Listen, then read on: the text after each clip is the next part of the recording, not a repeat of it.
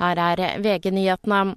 En person omkom etter helikopterstyrten utenfor Sotra i går kveld. Fem er skadet, og årsaken til havariet er ikke kjent. Helikopteret var på et treningsoppdrag for Equinor da ulykken skjedde.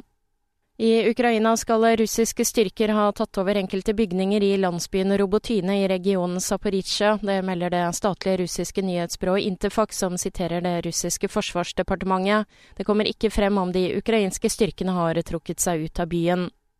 Dobbeltdrapsdømte Ivan Kantu ble i natt henrettet i Texas. 50-åringen var dømt for drapet på fetteren sin og forloveden hans.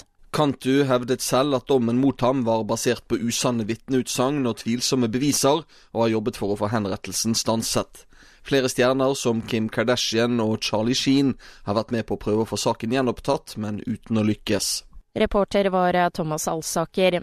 Politiet i Oslo har pågrepet to menn etter at en person ble utsatt for vold på Torshov sent i går kveld. Fornærmede ligger på sykehus, men skal ikke være kritisk skadet. Politiet utelukker ikke flere pågripelser.